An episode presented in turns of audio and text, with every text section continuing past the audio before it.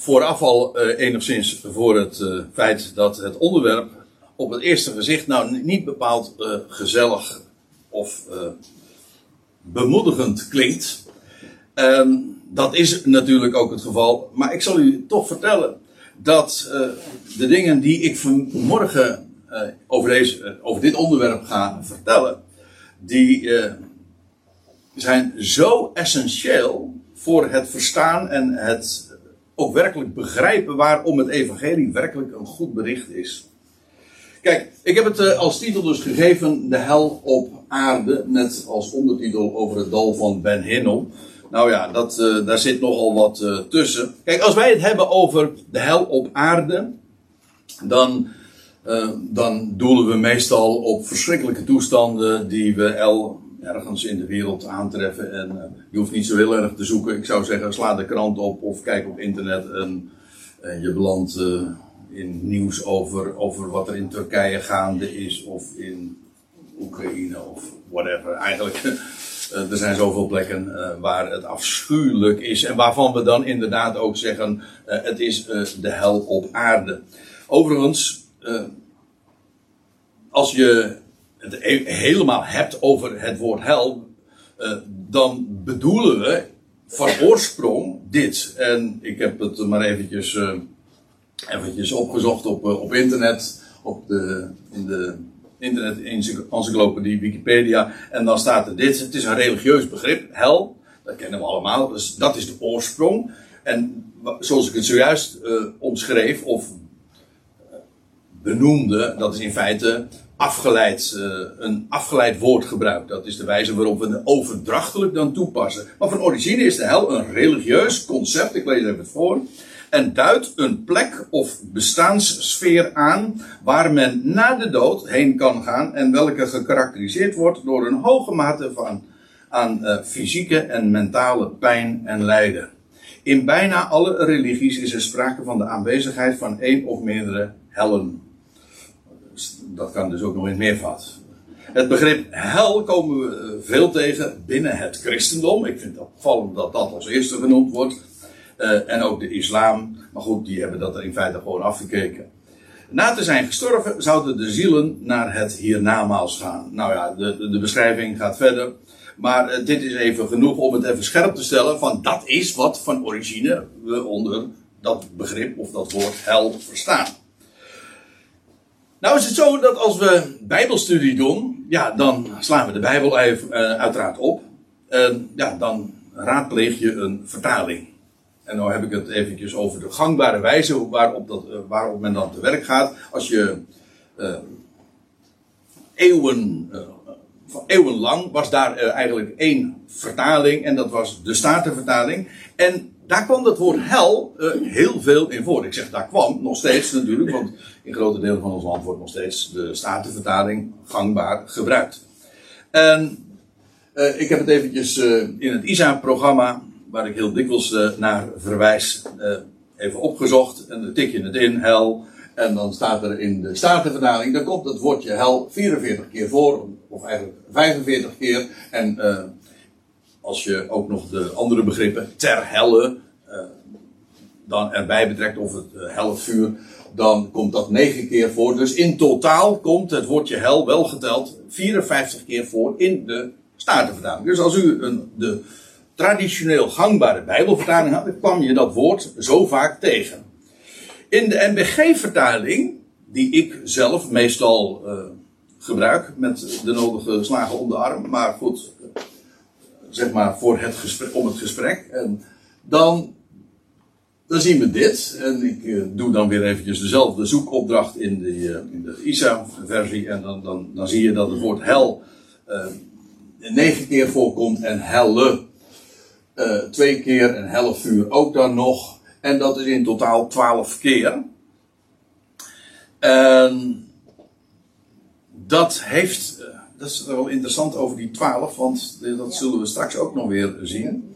Um, ja, jij dacht dat het niet goed opgeteld was. Nee, het is, het is wel goed geteld, alleen het, nou, laat maar zitten, laat maar zitten. Het is een beetje ingewikkeld. Doe het even, uh, uh, voor de statistiek is het misschien interessant, maar dit is, dit is, het is, komt twaalf keer voor, ja, in de MG-vertaling.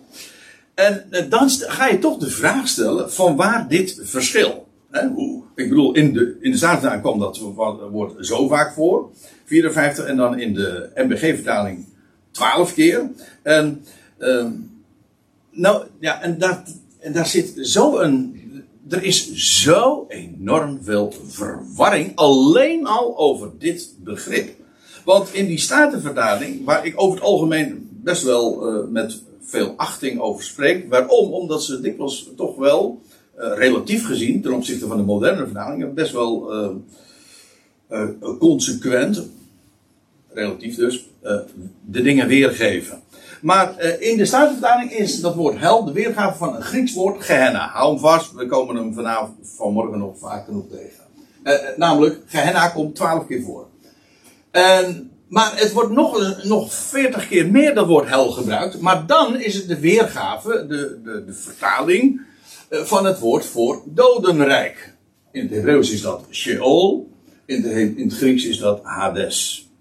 Nou, ja, dat betekent dus dat het, als je in de Statenvertaling het woordje hel leest, dan, dan, dan is dat of uh, het woord voor, uh, is dat Gehenna, of het is Sheol of Hades. Dus men heeft verschillende woorden in het het origineel heeft men met één Nederlands woord weergegeven. Zodat je, als je dat ene Nederlandse woord in de Statenvertaling leest, dan weet je niet waar het dan eigenlijk de weergave van is.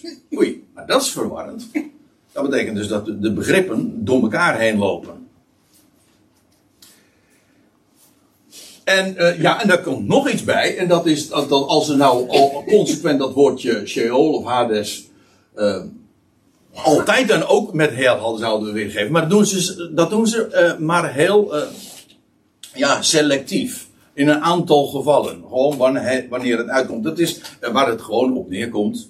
Is dat hier in de hele Statenvertaling rond dit concept van de hel. Is men zo bevooroordeeld. En dat hele idee wat men al had over de hel. Heeft men geprojecteerd in de vertaling. Zodat je in de vertaling niet leest wat er staat maar je leest wat men gangbaar daarover dacht. Mensenwoord dus. En nou ga ik iets heel geks doen. En dat is, uh, want ik meestal zeg ik van nou hoe. Uh,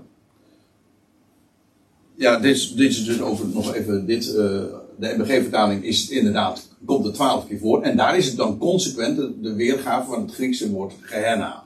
Dus dat zeg ik eigenlijk ook eventjes als compliment. Dan hebben ze het in ieder geval concordant weergegeven. Al is het nog zo fout. Ik bedoel, hel is geen gehenna.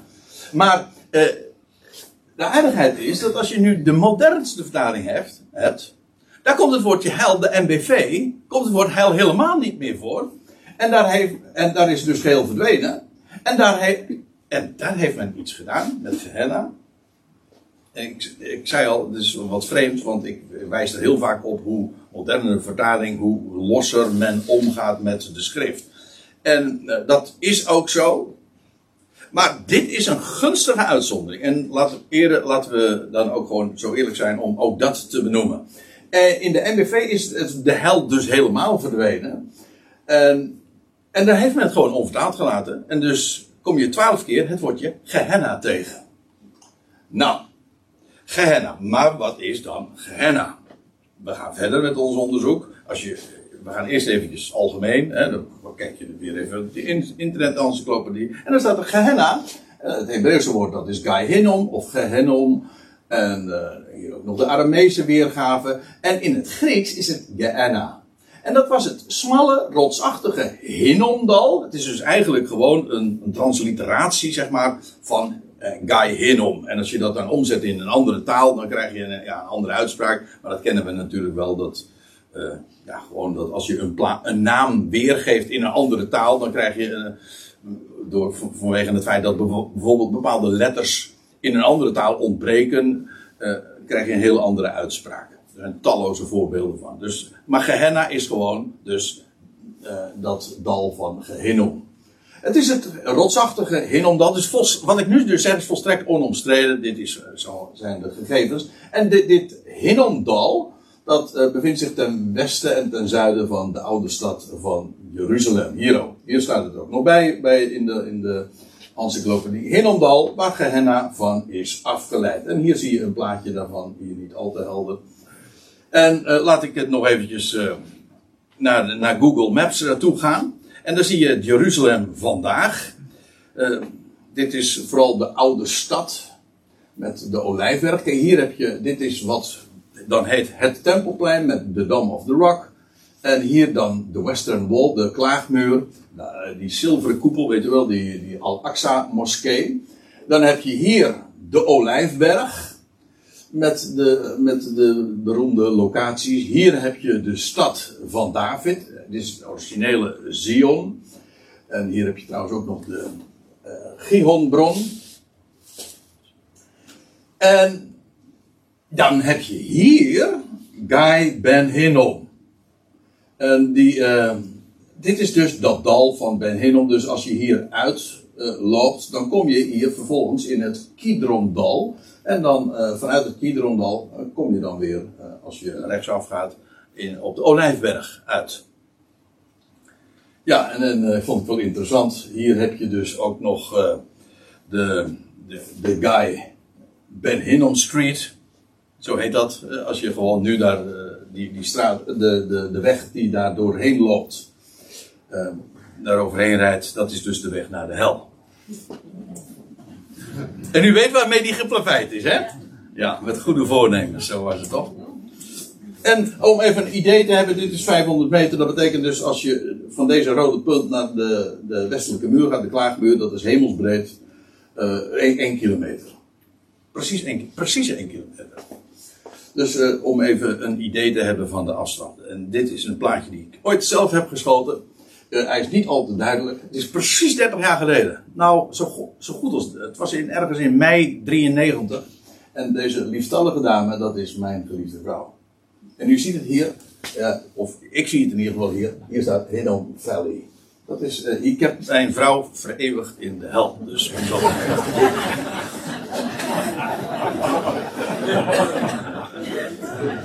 Hou jij van je vrouw?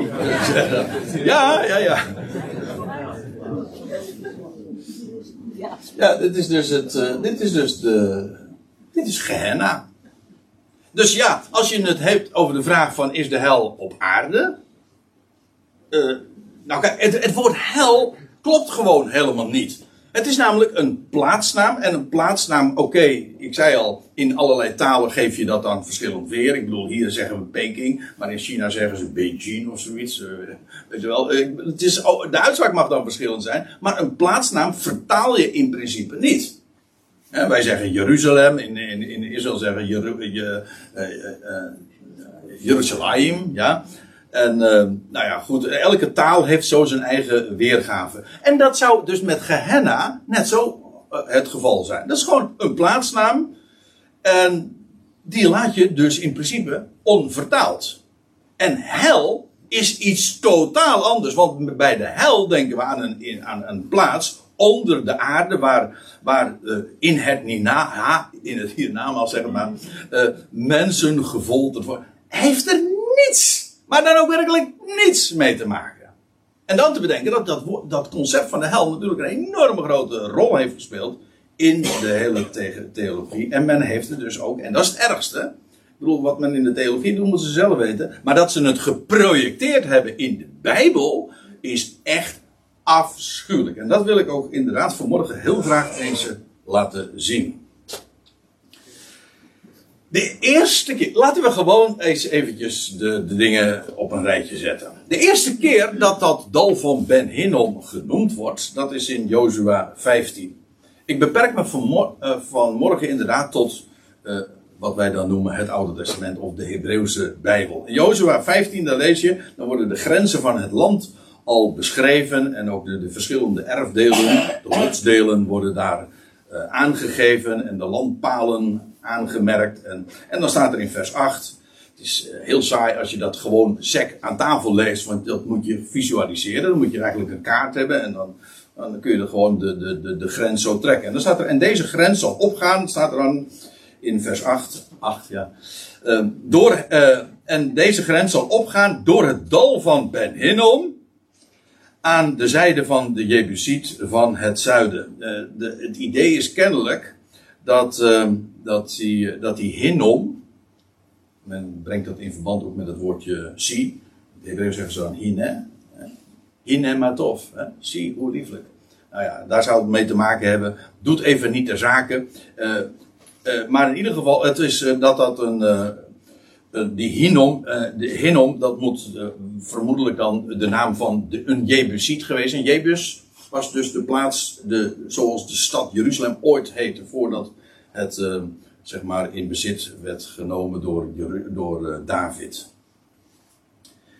Maar in ieder geval, uh, toen heette het dus nog uh, Jebus. En waarschijnlijk is die Hinnom een, een, een Jebusiet geweest, de Jebusiet.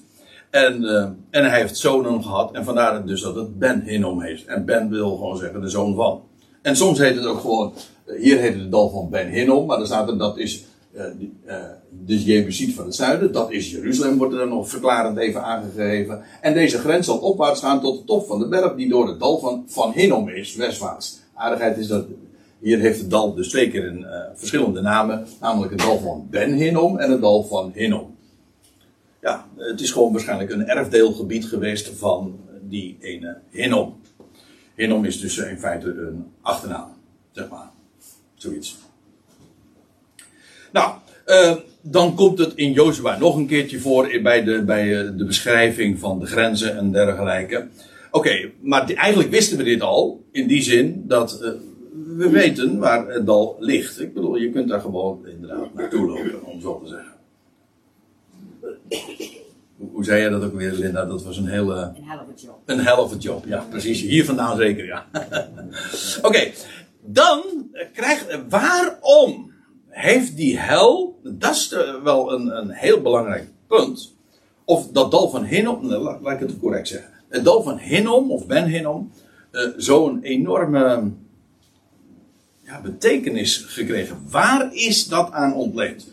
Nou, dat is eigenlijk, heeft te maken met een tweetal koningen die aan het einde van het rijk, dat wil zeggen, je hebt ja, dus de twee stammen en de tien stammen, en, en die, in de laatste fase, dat is vlak voor de verwoesting van Jeruzalem, voordat het door Nebuchadnezzar verwoest werd, toen heb je een aantal koningen die het verschrikkelijk bond maakten. En ik ga eerst naar Agas. En ik lees uh, gewoon uh, de tekst maar eens wat, wat voor. En dan lees je: Agas was 20 jaar oud toen hij koning werd. En hij regeerde 16 jaar te Jeruzalem. En hij deed niet wat recht was in de ogen van Yahweh, zoals zijn vader David. om even een idee te hebben, hij was de twaalfde koning. je had dus voor niet iedereen is, dat staat het allemaal zo goed voor de geest. Dus uh, je, had, had koning Saul, toen kreeg je koning David en koning Salomo, maar die regeerden over de twaalf stammen. Toen kreeg je een splitsing van het rijk, van de twee stammen en de tien stammen. En uh, die twee, de, de tien stammen, dat heet dan meestal Israël en de twee stammen heet dan gewoon Juda. En Beide hebben trouwens, beide huizen hebben twintig koningen gekend. het huis van Israël heeft ook twintig koningen gekend, maar die waren stuk voor stuk, alle twintig, ze worden genoemd in de Bijbel, allemaal goddeloos. Het huis van Juda heeft een zevental goede koningen gekend. Maar ook het merendeel, dus uh, 13 stuks, uh, is, uh, zijn ronduit goddeloos geweest. En, en deze naam Agas, die lazen we zojuist en straks komen we nog op Manasse. Maar dan hebt u een enige indruk hoe die in dat rijtje, zeg maar, geplaatst moeten worden. Oké, over die Agas lees je, hij, hij deed dus niet wat recht was in de ogen van God. Hij wandelde in de wegen van de koningen van Israël. Nou, ik zei al, die waren allemaal stuk voor stuk goddeloos. Als er hier staat Israël, dan, wordt er gedoeld op het rijk van Israël, dat wil zeggen de tien stammen. En er staat er nog bij, daartoe maakte hij ook gegoten beelden voor de Baals. Nou, dat, zijn, dat waren een van de, uh, de, dus de bekende naam van uh, afgoden. Hè? De Baal of de Baals, ook meervoud. Uh, we komen er straks nog wel meer namen tegen. En hij rookte ook in het dal van Ben Hinnom. Dat is heel erg grappig, hè? Als het zoals er staat. Want in de Statenvertaling, ik heb hier voor de, voor de duidelijkheid eventjes het woordje offers tussen haakjes erbij gezet, vierkante haakjes, om aan te geven. Zo moeten we het lezen, want als je anders leest, als je de Statenvertaling leest, van, dan staat er en hij rookte ook in het dal van Ben Hinnom. En dan denk je, ja. Uh, dat, ik weet niet, ken u het boek van Bartje? Uh, de boeken van Bartje van Anne de Vries. En dan lees je op een gegeven ogenblik dat zo'n Ari, ik weet niet meer precies, die, die, die, die stotterde zo en die vond het zo. En die vond het zo. Die wilde graag roken, maar dat mocht hij niet van zijn ouders. En, maar, en toen moest hij uit. ja, gewoon, er werd aan tafel uit de Bijbel gelezen. Was hij uit de staat vandaan. En dan, dan staan er. En ze, en ze rookte. Dat las hij dan voor, kennelijk uit het boek Koning of Samuel, weet ik veel. En ze rookte, en daar voegde hij aan toe. En ze rookte en ze smokte. Uh, tot, ze, uh, tot ze er helemaal niet goed van werden. En, dus, en dan, dan, zie je wel, in de Bijbel staat ook ze rookte. Dus uh, hij vond dat een rechtvaardiging dat, dat hij het ook wel een beukje op mocht steken. Maar dat gaat hier dus, hij rookte, dat wil zeggen, hij deed roken de offers. Ja, moet je even weten. Dat gaat hier dus niet over, over stuiverzand of uh, nou ja, whatever. Hij rookte offers ook in het dal van Ben Hinnom. Kijk, hier hebben we hem. En hij brandde, dit is afschuwelijke. Hier komen we op de essentie van het gruwelijke wat er gebeurde in het dal van Ben Hinnom. Hij rookte offers, ook in het dal van Ben Hinnom. En hij brandde, brandde zijn zoon in het, zonen in het vuur naar de gruwelen van de natie. Gruwelen in de Bijbel, dat is een afgod of afgoderij of een afgodsbeeld. Een gruwel die opgericht wordt, dat is gewoon een afgodsbeeld dat neergezet wordt. En dus iets wat gruwelijk is, is eigenlijk afgodisch. En wat hij deed is, uh, nou wat er onder de natieën gebeurde, er was heel veel afgoderij en men deed zelfs de kinderen of mensen als een aan God of om, om dingen van God gedaan te krijgen, af te dwingen uh, deed men door het vuur gaan. En ook letterlijk tot gevolg, met tot gevolg dat men verbrand werd. Zulke afschuwelijke dingen vonden plaats in dat dal van Ben Hinnom. En hij brandde zijn zoon in het vuur na, naar de gruwelen van de natie. Dat wil zeggen, dat is wat de natie dus ook allemaal deden. Aan afgoderij. Ja, naar de gruwelen van de natie, de zin loopt eigenlijk door, die voor het aangezicht van de zonen van Israël hadden we weg, wegverdreven. Het was nu juist de reden dat God hen dat land had gegeven, opdat zij niet zouden doen wat de natie wel zouden doen. En wat zij hebben gedaan in het dal van Hinnom, dat zij, dat zelfs notabene de koning, want het is, er wordt hier gezegd van die koning, maar de praktijk is veel breder geweest. Maar zelfs de koning, eigenlijk dat is het idee, zelfs de koning deed zijn, zijn zonen door het vuur gaan en brandde hen zo. Of verbrandde hen. Ja, dat is echt uh, ongekend gruwelijk dus. En dit lees je dan van Agas. Dan gaan we nog eventjes verder naar Manasse. En dan staat er van Manasse, hij was 12 jaar oud toen hij koning werd. Hij zal ongetwijfeld wel begeleiding gehad hebben. Hij was dus eigenlijk de kleinzoon van Agas. En hij was de zoon van Hiskia. Hiskia was een goeie trouwens. Dat is een van de, van de, namen die met grote eer uh, worden vermeld. Koning Hiskia. Maar goed, zowel zijn vader als diens zoon, die maakten daar ja, een, echt een, een potje van om, op zijn eufemistisch nog uitgedrukt. Manasseh was 12 jaar oud toen hij koning werd. Hij, regeerde heel lang dus, 55 jaar te Jeruzalem. Hij is, de, hij, er is geen koning geweest die zo lang geregeerd heeft als deze Manasseh. Maar ehm, hij maakte het verschrikkelijk bot. Aan het eind van zijn leven is hij trouwens tot inkeer gekomen, moet ik er ook bij zeggen. Uh, maar goed, hij deed, dat wat, uh, hij deed wat, moet staan, wat kwaad was in de ogen van Jahweh, naar de gruwelen van de natie. Precies wat je van zijn opa dus ook al las. Die Jahweh voor het aangezicht van de zonen van Israël had verdreven. Hij ging gewoon dus in het spoor van opa en van grootvader Agas verder. Want, staat er dan, hij bouwde de hoogte weer op die zijn vader Hiskia afgebroken had. Want ik zei al, zijn vader was Hiskia en die, dat was een, een godvrezende man. En die, die, had, die achtte de schriften hoog. En die had het allemaal weer afgebroken. Maar goed, uh, Manasse ging uh, weer in hetzelfde spoor van open verder.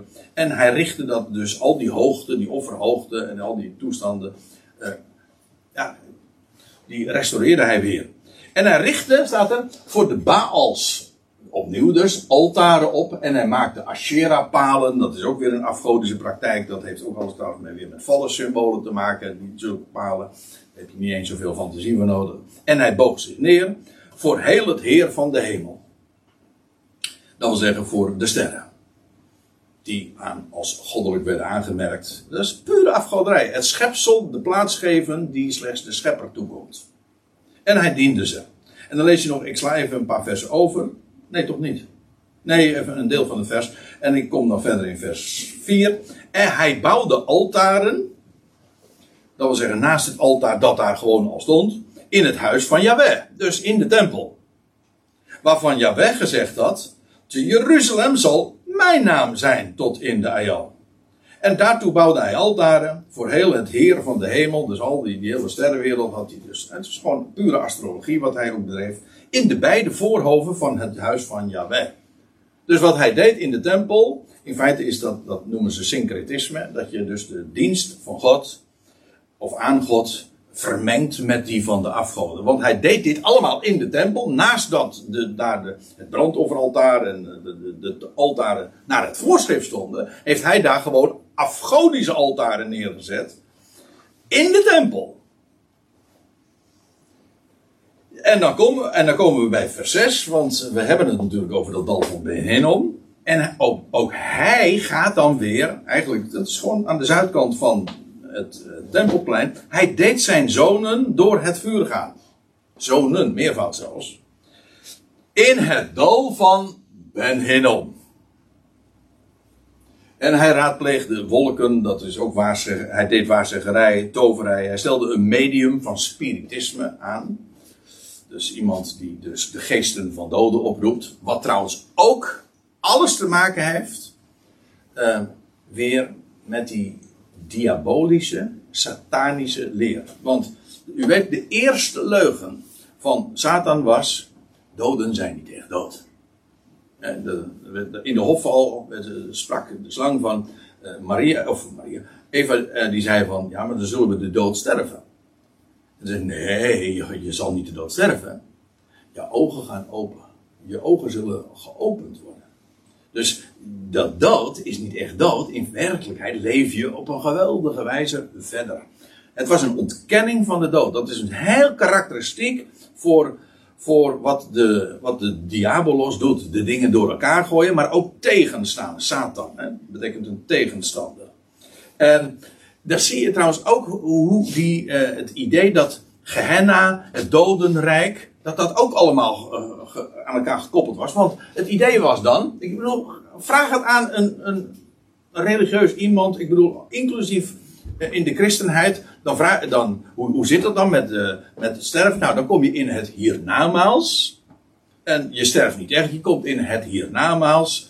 En dan is dat of in de hemel of in de hel. Maar dat is, de Bijbel zegt, de doden zijn dood, dat wil zeggen ze slapen.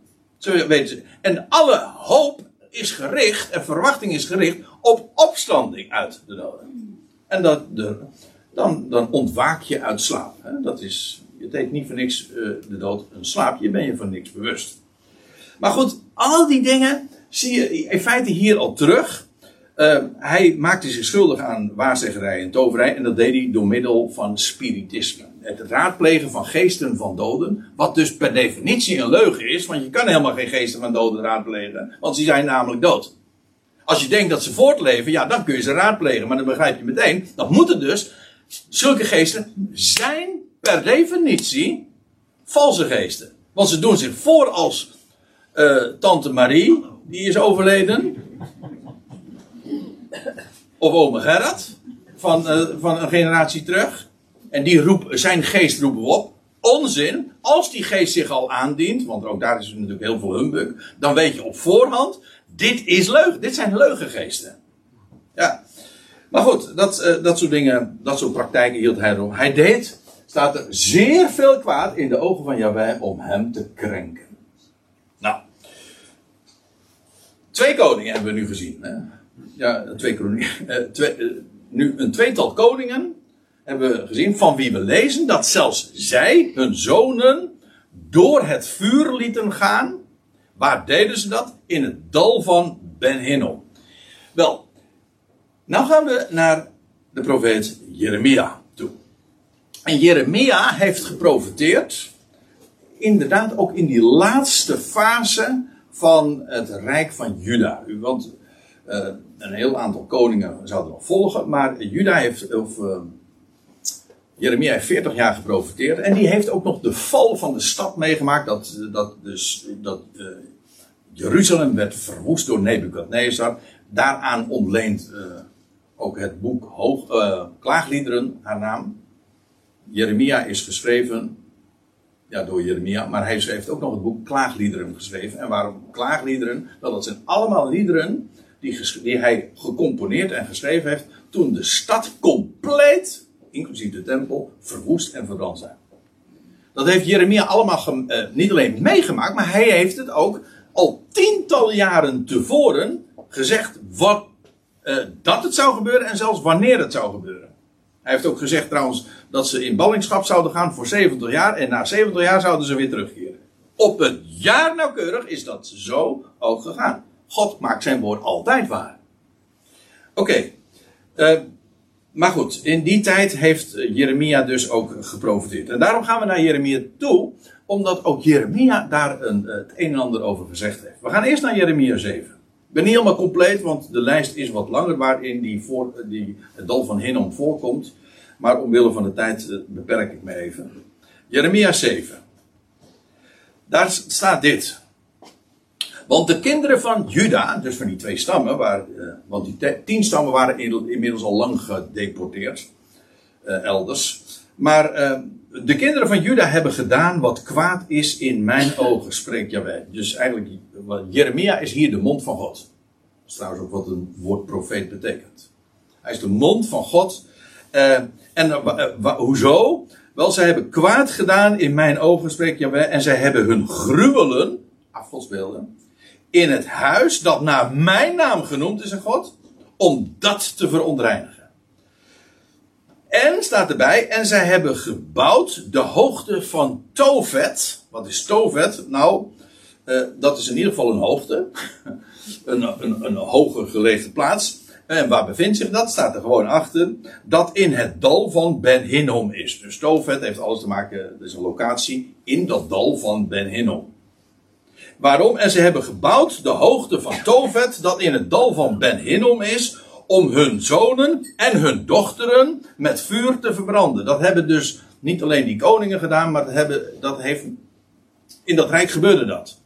Zo zeer was dus uh, het, het, rijk van Juda en, en de inwoners en in afgoderij meegezogen en hebben ze zich geconformeerd aan de gebruiken van de natieën en hebben ze zelfs dus dit gedaan. Dit is eigenlijk het, het dieptepunt van de, gruwelijke praktijk die zij erop nahielden. Dat was niet alleen maar dat ze offers brachten en altaren en palen neerzetten van Asherah en, en, en, en, de, en altaren van Baal. Ja, maar het allerergste was nog wel dit: dat zij in het dal van Ben Hinnom hun zonen en hun dochteren met vuur verbranden. Hoe diep moet je gezakt zijn? En dan zegt, zegt eh, Jeremia, nee, ja, Jeremia die tekent dit op en die spreekt dit weliswaar uit. Maar het is God zelf die aan het woord is. Want uh, ze hebben mijn, uh, ja, God, ja, God is hier aan het woord. En er staat erbij, hetgeen ik niet heb geboden. Nou, dat lijkt me toch wel duidelijk. Ik, is de Heer zelf dus, hè. Nog in mijn hart is opgekomen. En daar wil ik u toch eens op wijzen. Want het was eigenlijk dit, de laatste weken, dit, dit trof mij zo. En ik wilde dat daarom zo graag eens delen. Want we hebben het wel vaker op deze locatie in de loop der jaren over onderwerpen als dit gehad. Maar dit had me, was me eigenlijk nooit zo doorgedrongen als, als, als toen ik dit las. Dat er gesproken wordt dus over het dieptepunt in, het, in de geschiedenis van het Rijk van Juda dat is dat zij hun zonen en dochteren door dat dal van Hinnom lieten gaan. En dan zegt God, dat is het aller, allerergste. Het is in mijn hart, in mijn hart nooit opgekomen. Nou moet je eventjes uh, de link gaan leggen met dat wat er gebeurde, die gruwelijkheden in het dal van Ben Hinnom, met de leer van de hel. Want kijk, wat in het dal van Ben Hinnom plaatsvond, dat was voor God dus gruwelijk. Dat lijkt me duidelijk. Maar wat heeft men in de theologie gedaan? Religieus, in de christelijke religie, die heeft van Gehenna de hel gemaakt. Men kent, ja, als je dus in, de, in onze gangbare Bijbel het woord hel leest, dan is dat eigenlijk gewoon Gehenna, oftewel het dal van Hinnom. Dus men heeft, dat, heeft, dat is eerste uh, ja, verwarring. Door, door zo'n plaatsnaam ineens weer te geven met hel, wat iets heel anders is. En wat zegt, wees het meest kenmerkende, we zagen het zojuist in, in dat Wikipedia, maar goed, we weten het allemaal. Als we het hebben over de hel, dan heb je het over die namaal. Maar een gruwelijk oord dan is waar voortdurend gebeurt wat in het dal van Hinnom ook plaatsvond. Namelijk dat men uh, dat mensen in het vuur gebracht worden. Maar met dat verschil. Uh, uh, ze zijn in de eeuwigheid. Ze worden daar verlengd tot in eeuwigheid. Kijk, wat Manas, Agers en Manasse deden. Ze deden hun zonen en dochteren door het vuur gaan en verbranden. Dat is afschuwelijk. Maar weet u wat in de leer van de hel gebeurt? Dan gebeurt dat voor eeuwig. Eind, dat, en daar bedoelt men mee, want dat kennen men, weet, men weet ook daarvan de betekenis niet. En dat denkt men eindeloos. Ja, men zegt, ja, dat gebeurt. Als je in de hel komt, dan is dat eindeloos dat je gefolterd wordt, kom je daar in het vuur. En het aller, allerergste is nog, niet alleen maar dat men van Gehenna de hel heeft gemaakt. En daarmee de, die, die praktijken die ooit in het dal van Hinnom plaatsvonden, die gruwelijke praktijken, heeft men daar tot in eeuwigheid verlengd. Letterlijk, zoals ik het nu zeg. En bovendien, ze worden nog aan God toegeschreven ook.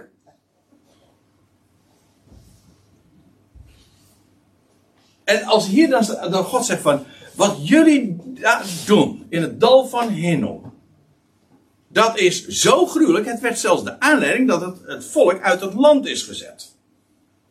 En dan te bedenken dat die praktijken model staan voor een, een leer die wij, gewoon wij, ik bedoel in de christenheid, uh, geïntroduceerd hebben. En dat hebben we inderdaad tot in eeuwigheid verlengd. En we schrijven nog aan God toe. Hoe gruwelijk kun je het maken? Ja, ik, als ik eraan denk, denk ik, dit is nooit zo tot mij doorgedrongen, maar dit, dit is, dus de hel is maar geen misvatting, een, een misverstand van, ja, ze, hebben het niet helemaal goed begrepen met de vertaling.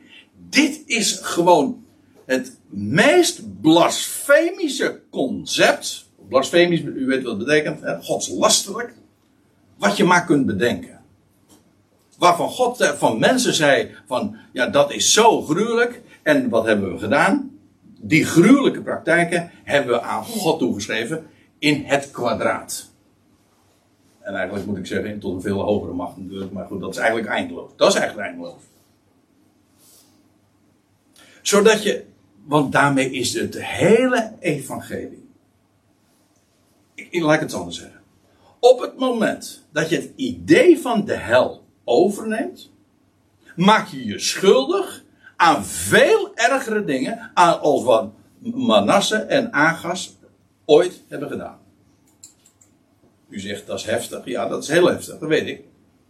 Ik zei het is geen gezellig onderwerp, maar u moet zich realiseren hoe afschuwelijk dat is wat men daarmee gemaakt heeft. En hoe daarmee ook het hele evangelie, de waarheid van het evangelie, compleet eigenlijk gedemonteerd is. Maar daar blijft daar niks van over. Hoe kan God dan nog een redder van alle mensen zijn?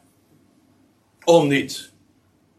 Wat heeft men God niet aan uh, gruwelijke praktijken toegeschreven? Dit is, dit is echt, dit vind ik mindblowing. Hè? Het is in mijn hart nooit opgekomen.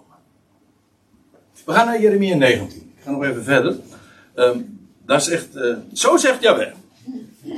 Ga heen. Dat wordt dus tegen Jeremia gezegd. Jeremia heeft dit later gewoon opgetekend. Zo zegt Jawel, ga heen. Koop een pottenbakkerskruik. En neem enige van de oudsten van het volk. En van de oudsten van de priesters. Dus zowel van de, van de politieke leiders als de godsdienstige leiders. Die moest hij meenemen. En uh, later lees je in dit hoofdstuk, dat we komen niet meer zo ver in, de, in het lezen daarvan. Maar later lees je dan dat hij die, die pottenbakkerskruik die hij heeft uh, gekocht. Die moet hij dan demonstratief stuk slaan. En dan moet hij ook gaan vertellen van uh, wat hier gebeurt. Het was gewoon zichtbaar onderwijs. Hij zegt, hij moest die, die, die pottenbakkerskruik moest hij stuk slaan. Als uitbeelding van wat er met de stad binnenkort zou geschieden. Dat lees je dan in vers 10 en verder. Oké. Hij moest dus die pottenbakkerskruik kopen. Hij moest er wat, uh, wat leider, leidende figuren uit het volk, godsdienstig, politiek, uh, meenemen. En waar moest hij naartoe gaan? Wel, dat staat erbij. En ga uit naar het dal van Ben Hinnom. Dat voor de deur van de schervenpoort is. En roep daar dan uit de woorden die ik tot u spreken zal. Dus hij moest naar die locatie toe gaan en dan moest hij daar van Gods wegen dingen gaan zeggen. Ja, dus hij eh, naar. Uh, dit was dus uh, de locatie bij uitstek waar het gericht zal plaatsvinden. En dan wordt er dit gezegd. En, en zeg, hoort het woord van Yahweh. Jullie koningen van Juda. En alle inwoners van Jeruzalem. Alzo zegt Yahweh van de legermachten. De God van Israël, zie, ik zal, ik, ik zal een kwaad brengen.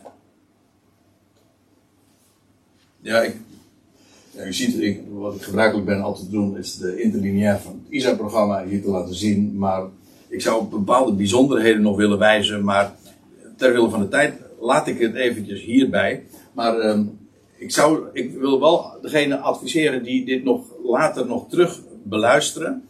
Om even goed te letten op die interlineair en hoe het er soms echt precies staat. Want dan doe je ook nog wel mooie ontdekkingen.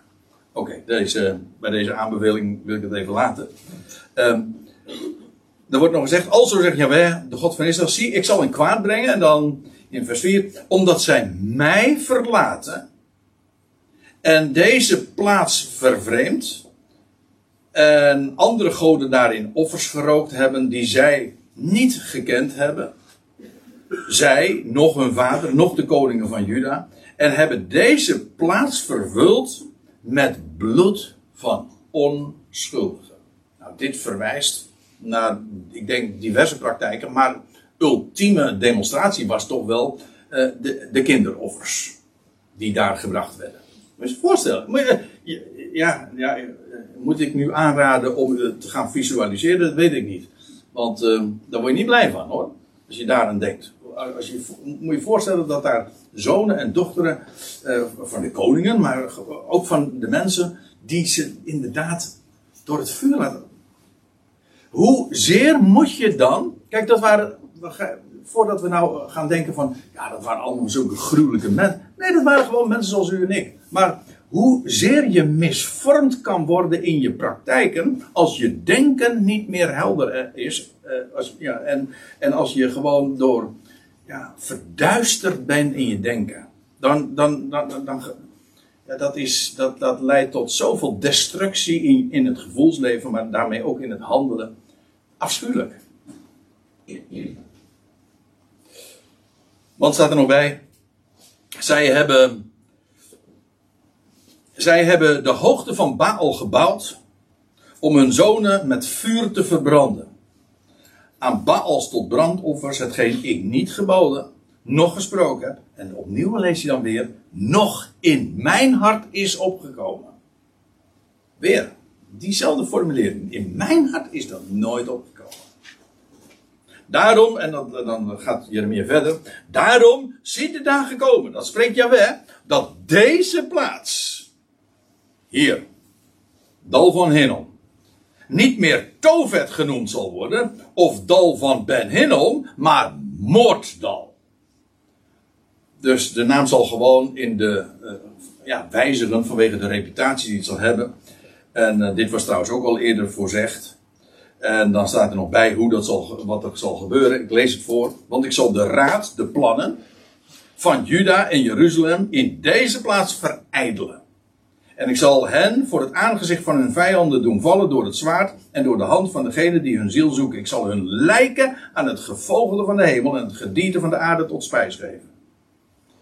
En ik zal deze stad zetten tot een ontzetting en tot een aanfluiting. Al wie haar voorbij gaat, uh, zal zich ontzetten en fluiten over haar plagen. Dit is allemaal in de dagen van Jeremia vervuld. Vandaar dus dat boek De Klaagliederen.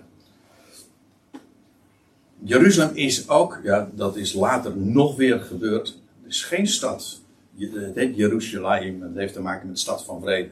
Maar het is geen stad waar zoveel gruwelijke dingen hebben plaatsgevonden, maar die ook zo verwoest zijn. En, en nog is het einde niet, zegt Daniel. En dat zeg ik erbij. Ook, uh, maar uh, voeg ik er ook aan toe.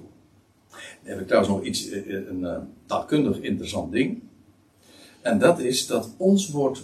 Hier, ja, ik gebruik het hier. Er wordt hier gesproken, het zal een ontzetting zijn en een aanfluiting. Weet u dat ons woord generen, of gêne, of genant, dat komt van het Griekse gehenna.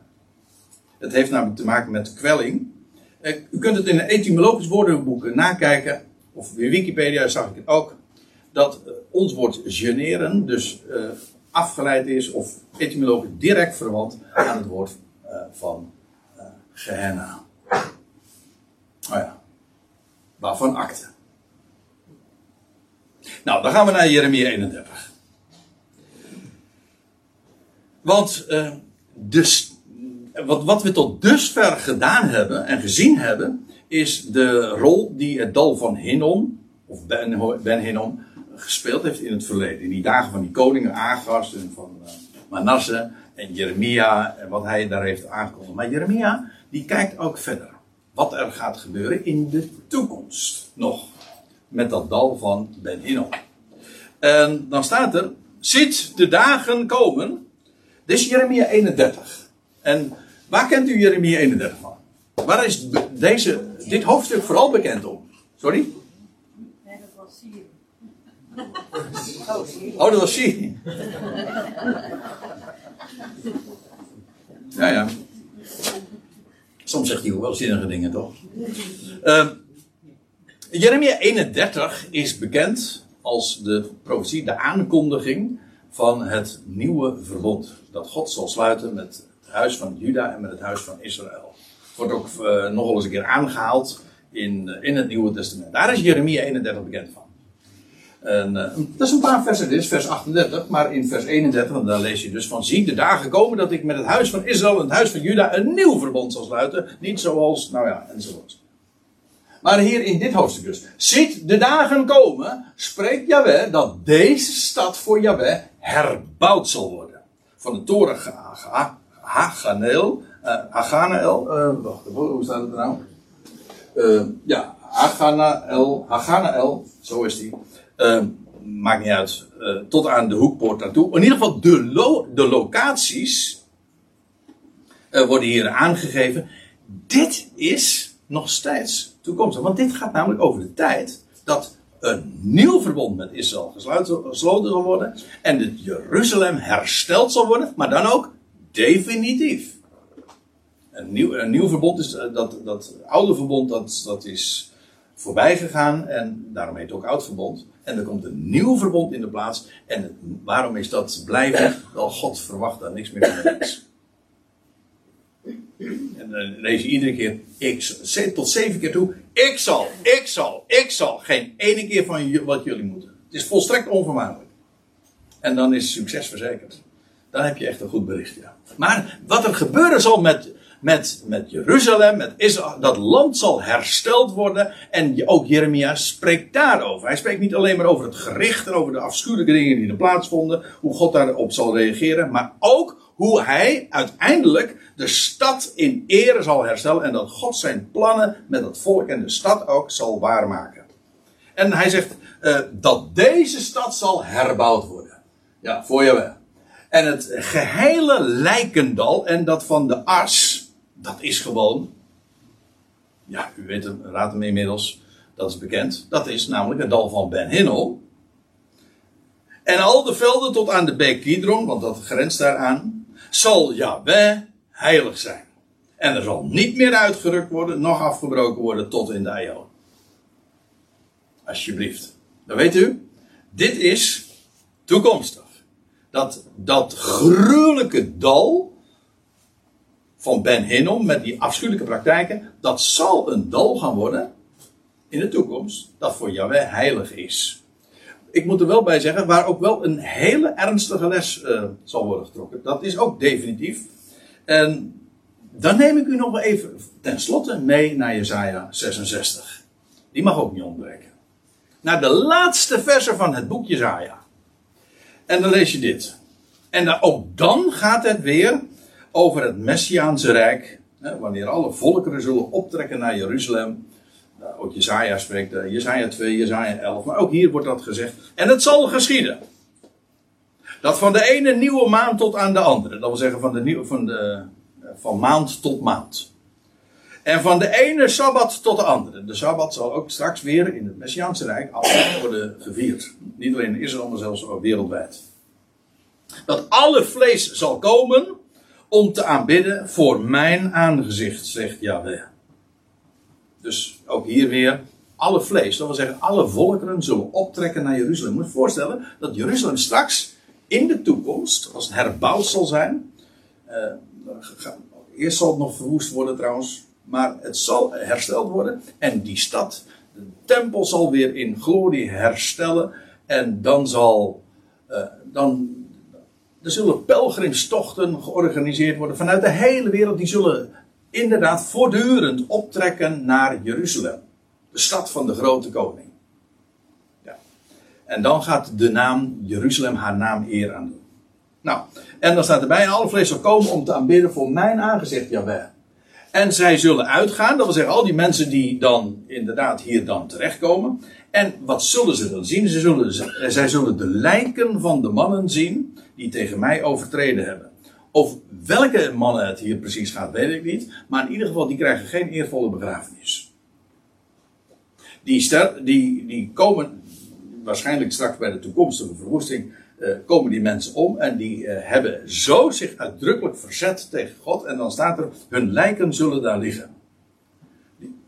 En in dat verband staat er: want, en die tekst kent u wellicht vanuit het Nieuwe Testament. Want hun worm zal niet sterven en hun vuur zal niet uitgeblust worden en ze zullen voor alle vlees een afgrijzen wezen.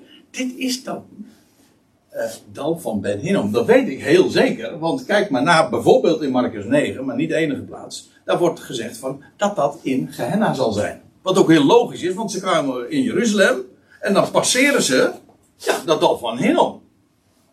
En in dat, dat is, zal de Heer heilig zijn, maar het zal ook een demonstratieplaats zijn. Daar zullen lijken inderdaad liggen, die geen begrafenis krijgen. En daar brandt ook een vuur. En dat zal niet worden uitgeblust. En uh, er, staat, ja, er staat in sommige vertalingen van het onuitblusbare vuur. Nee, dat staat er niet. Het is geen onuitblusbaar vuur. Dat vuur zal niet uitgeblust worden. Dat wordt daar uh, het, wordt, het wordt niet uitgeblust. En dan nog iets. Kent u het verhaal? Ik heb het ooit wel gehoord. En de, rillingen lopen over je, uh, over je lijf als je, als je daaraan denkt. Dat men dan zegt van hun worm. Het is de plaats van de hel. Zo wordt dat dan voorgesteld. Is zo erg. Maar je gaat er nooit dood. Zelfs een worm zal daar niet sterven. Zo is mij voor, uh, voorgehouden. En maar het gaat hier over mensen, over, niet over mensen, niet over levende mensen. Het gaat hier over lijken. En het feit dat ze geen begrafenis krijgen en dat ze daar in feite gecremeerd worden en dat daar verteren, dat is eh, oneervol en dat is inderdaad afgrijzelijk. Maar het is niet wat men ervan gemaakt heeft. Het, het gaat hier over lijken, inderdaad, die verteerd worden. En niet waar, uh, waar je nooit meer doodgaat. Nee, hun worm zal niet sterven. Ik zal je dit vertellen. Dat is uh, biologisch gegeven. Dat, uh, dat, is, dat is een eerste, eerstejaars biologie student die weet het ook. Een worm sterft sowieso niet. Of een made. Hè? Sterft niet. Een made wordt een. Die verpopt zich. En wordt een lieg. Een, een made sterft helemaal niet. Dus het gaat er niet om van. Nee, ga je nooit meer dood. Helemaal niet. De, ziet u hoe men zelfs daar eh, de heleboel verdraaide. Het gaat hier over lijken, inderdaad. Dat is een onverkwikkelijk beeld. Dat is op zich waar, maar het is een demonstratiemodel van. Dat is wat er gebeurt als je je inderdaad zo afwijkt van mijn gedachten. En dat zal in dit gedurende het Messiaanse Rijk zal dat dal heilig zijn. En als een demonstratieplaats uh, van, uh, ja, van hoe God opereert. En nogmaals, daar, dat, daar, daar zit heel veel ernst in. God laat niet met zich spotten, dat, dat bewijst hij. Maar het hele idee van wat men met van God gemaakt heeft, juist dat is zo gruwelijk. En ja, dan zou je in feite dus door moeten gaan naar het Nieuwe Testament, waar het woord Gehenna ook twaalf keer voorkomt. Ik zag namelijk dat het dal van Ben Hinnom twaalf keer voorkomt in het uh, Oude Testament. Leuk hè? Ik vind het mooi. Twaalf. Want dat, uh, dan weet je ook meteen dat het met Israël te maken heeft. Maar Gehenna komt ook twaalf keer voor in het Nieuwe Testament. Hey. Neem niet acht keer uh, je art. Dat, met twaalf. Het heeft alles te maken met Israël. Maar goed, laat, het wordt nou echt tijd om samen te vatten. Dus, kort en goed. De schrift kent geen hel. Punt. Wat dan wel? Gehenna. En wat was de gruwel van Gehenna? Dat is dat men door het vuur, dat men kinderen daardoor uh, het vuur liet gaan. En waarom is de leer van de hel nou zo afschuwelijk? Daar heeft men de gruwel van Israël A. eindeloos uitvergroot. En B. op God geprojecteerd.